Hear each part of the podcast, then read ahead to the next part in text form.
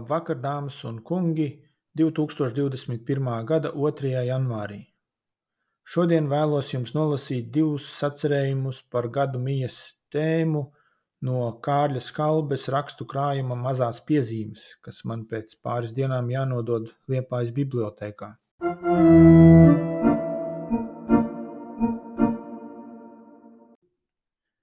Jaunam gadam laimi lejot! Paņemiet svinu, paņemiet svinu, ielas puikas kliedz, pavadīdam gājējus vecā gada pēdējā dienā. Diena ir pelēka un liekas, ka svina jau ir diezgan. Bet jūs priecīgi izstiepjat roku pēc pelēkām metāla standziņām, jo šai saucienā atskan aicinājums pie lielā spožā svētku ugunskura, kurš met savu sārto atspīdumu ziemas naktī. Atmiņā nāk vecā gada vakari, kurus jūs pavadījāt kaut kur lauku mājā laimes lejot kvēlošas krāsnes priekšā, jautrā ģimenes pulciņā. Vecā gada beidzamās stundas ir parasts pavadīt sabiedrībā, bet, ja jūs meklējat lielu un siltu uguni, tad jūs vislabāk to varat atrast mājās. Platā, sārtā krāsnes priekšā jūs bērnībā esat sapņojuši, laimes lejot vecā gada vakarā, kamēr no tumšā ūdens spaiņa jautriem kliedzieniem atskanot, kā pārā sudraba zirgi, mirdzoši putni, kuģi ieplastām burām, zobeni un vainagi. Māja ir Latviju tradīciju šūpulis. Vislabāk var sapņot mājā. Sapņojiet, ja gribat būt laimīgi. Retāk laime nāk necerēta. Piepildās tikai tas, kas sapnī iecerēts. Radīšana vispirms ir iecerēšana. Ja gribat radīt sev pilnīgu un skaistu dzīvi, ieceriet to. Tāpēc jaunā gadā, lai ir ar vienu modri mūsu gara un dvēseles spēki. Nepiekūstiet cerēt. Jūs sviežat vienreiz kūpošo svina straumi ūdenī, un iznāk tikai tumšs, sačervēlējies piks. Sviežat otrais, tas pats. Dariet to tik ilgi, kamēr svinā ietēlojas tas, ko jūs vēlaties sev gūt. Nebaidieties par likteņa nenovēlību. Ik katrs ir pats savas laimes kalējs. Mūsu uzdevums ir dienu pelēko svinu pārvērst mirdzošos tēlos. Sapnim ir jātop par īstenību. Tur mums palīdzēs darbs. Bet darbā ir vajadzīgs kāds stars no augšienes, kas mūs apgaro. Ir vajadzīga iedvesme. Ja mums ir iedvesme, darbs izdodas. Ja viņas nav, mēs staigājam kā sapīti un klūpam uz katra soļa. Bet iedvesme nenāk no gaisa, Viņu dod pats darbs. Vajag tikai piespiesties, un jūs jau aizrauj un nes darba ritms. Ražīgs ir katrs darbs, ko dara ar iedvesmi. Pat nejaušam skatītājam, kas uz brīdi apstājas to novērot, viņš dara prieku. Vienalga, vai tas redz laipnu un kustīgu pārdevēju veikalā, kas apkalpo pircēju baru, vai pļāvēju, kas grozās pļavā savas izkapes rakstā. Ar iedvesmi katru darbu var padarīt par prieku, To saprata mūsu senči, kuri savus darbus pavadīja dziesmām. Atspīdumi ziemas naktī stāsta par vecām patumšām lauku istabām, kuras apgaismoja priežu skals. Dūmaina bija skala uguns, spoži dzirkstīja dziesmas. Dziesmas palīdzēja uzveikt likteņa tumsu. Jaunā gadā ieejot, lai mūs pavada tautas gara spīdekļi.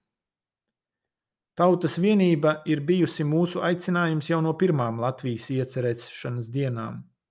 Šīs vienības dziļākie avoti ir Latviju gara vērtības.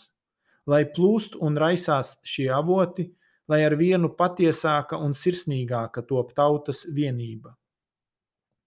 Bet likteņa grūtībās, kas gadītos ceļā, lai paļaujamies uz saviem spēkiem.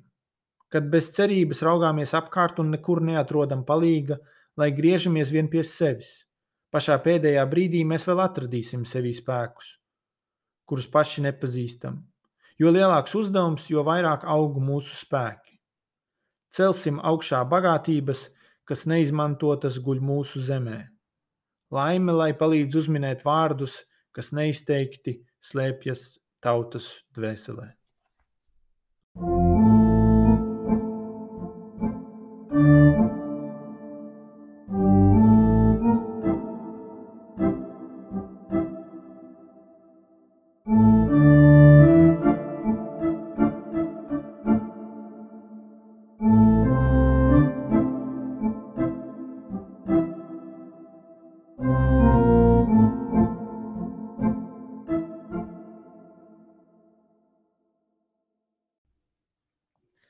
Jaungada jausmas.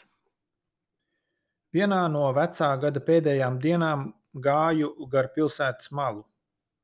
Rīgas nomals visvairāk apdzīvo latvieši. Te es jūtos savas tautas vidū, siltā draudzīgā saimē. Gluži nemanot, sāku domāt par mūsu kopējiem likteņiem. Nejaušas ielas ainas, ko ceļā redzēju, dažu brīdi man likās kā mana paša domu atspoguļojums. Man garām gāja bēru gājiens. Es ieklausījos pavadītāja lēnā skumjā soļu taktī un kādu gabalu tā gāju līdzi. Man likās, ka tur aiziet vecais gads. Tas aizved līdzi sev pagājušās skumjās dienas, es ar atvieglojumu nodomāju, un apstājies noņēmu cepuri.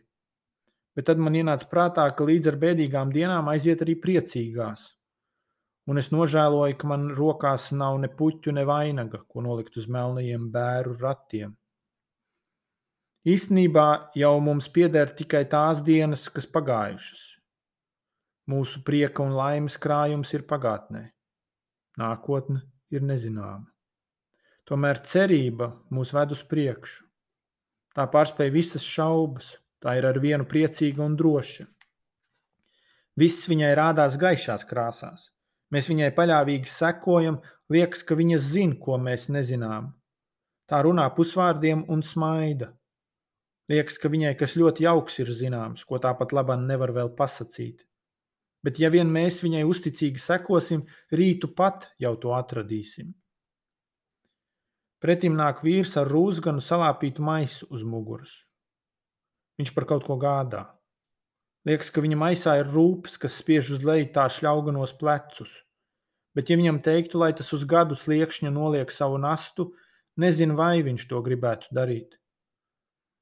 Jo daudzas rūpes viņam ir mīļas, un bez tām viņš nemaz nevarētu dzīvot. Tur ir rūpes par tuviniekiem, par viņa kluso šauro ģimenes kaktiņu. Tās ir kā vecas podri nobērsta misiņa lampa, kas apgaismo viņa mazo dzīvi. Tā vīrs ieiet jaunā gadā ar savu maisu uz muguras. Viņa soļi ir tik apgaroti un čakli, liekas, it kā rūpēm ietu līdzi arī kāds vieglums. Tad pār augsto dzelzceļa dambi dārdēdams aiziet vilciens un iela nodreb man zem kājām. Liekas, ka tas ir tehnikas laikmets, kas iet arī pār mūsu zemi. Kalpodami tehnikai nepielūksim ne dzelzi, ne akmeni, jo tehnika gādā tikai par ērtībām. Visu vērtību augstākā vērtība tomēr ir cilvēks pats, kura sirds dzird dievišķo aicinājumu. Mēs nevaram līdzināties nācijām, kuras rīt dzelzi, jo mūsu spēki ir par maziem, lai ar viņām varētu sacensties. Arī tehnika beidzamā laikā visvairāk kalpo varas centieniem, un visu nāciju kopējā māja Eiropa ir kļuvusi par šauru, tāpēc, ka visi staigā smagi apbruņojušies. Tagad tikai mēs redzam, cik nožēlojami mazs aiz savstarpējā naida ir sarāvies šis katram kultūras cilvēkam tik dārgais zemes stūrītis, kur nācijas tērpjas eža kažokos, izlietotamas tam dzelzi, tik jo vairāk dzels. Mēs jutīsimies svabadāk un laimīgāk tikai tad, ja visā pilnībā atjaunosies miera centieni. Tad Eiropa atkal būs visām nācijām dārga, kopīga māja, un visiem viņā vietas būs diezgan.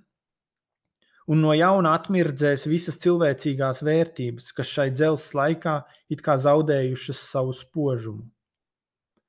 Tā domājot, redzu, ka pelēkās ziemas debesīs izplešas bāls spožums, lēnām apņemdams visu pamali. Visu laiku krita sarma, smalki dzeļoši ledus putekļi. Tagad var redzēt, kā aiz sirmiem padebešiem, kas kļūst ar vienu plānāki, ir kaut kur saule. Laipnība ir saule, man ienāk prātā kaut kur dzirdēts izteiciens, kura otru pusi vairs neatceros. Gaišais spožums debesīs ir laba zīme. Man liekas, ka arī mēs, latvieši, savā starpā runāsim laipnāku valodu. Mums ir daudz labu īpašību. Mēs varam būt sirsnīgi, atklāti, spēcīgi, bet vismazāk mēs spējam būt laipni. Divas lietas mums jāmācās - gaume un laipnība. Beigās, ejot gar sastingušu, nosarmojošu dārzu, satiku jaunu māti ar bērnu rokās. Viņai bija plata, vienkārša seja, bet no visas viņas būtnes, no beidzamās lupatiņas, kas bija aptītas bērnam ap kājām, nāca tāds siltums, ka likās, it kā dārs būtu sācis ziedēt. Jaunā gadā ieejot, mūsu gaišākās domas pulcēsies ap māti un bērnu, jo bērns ir nemirstības nesējs, mūsu dzīves un darbu turpinātājs.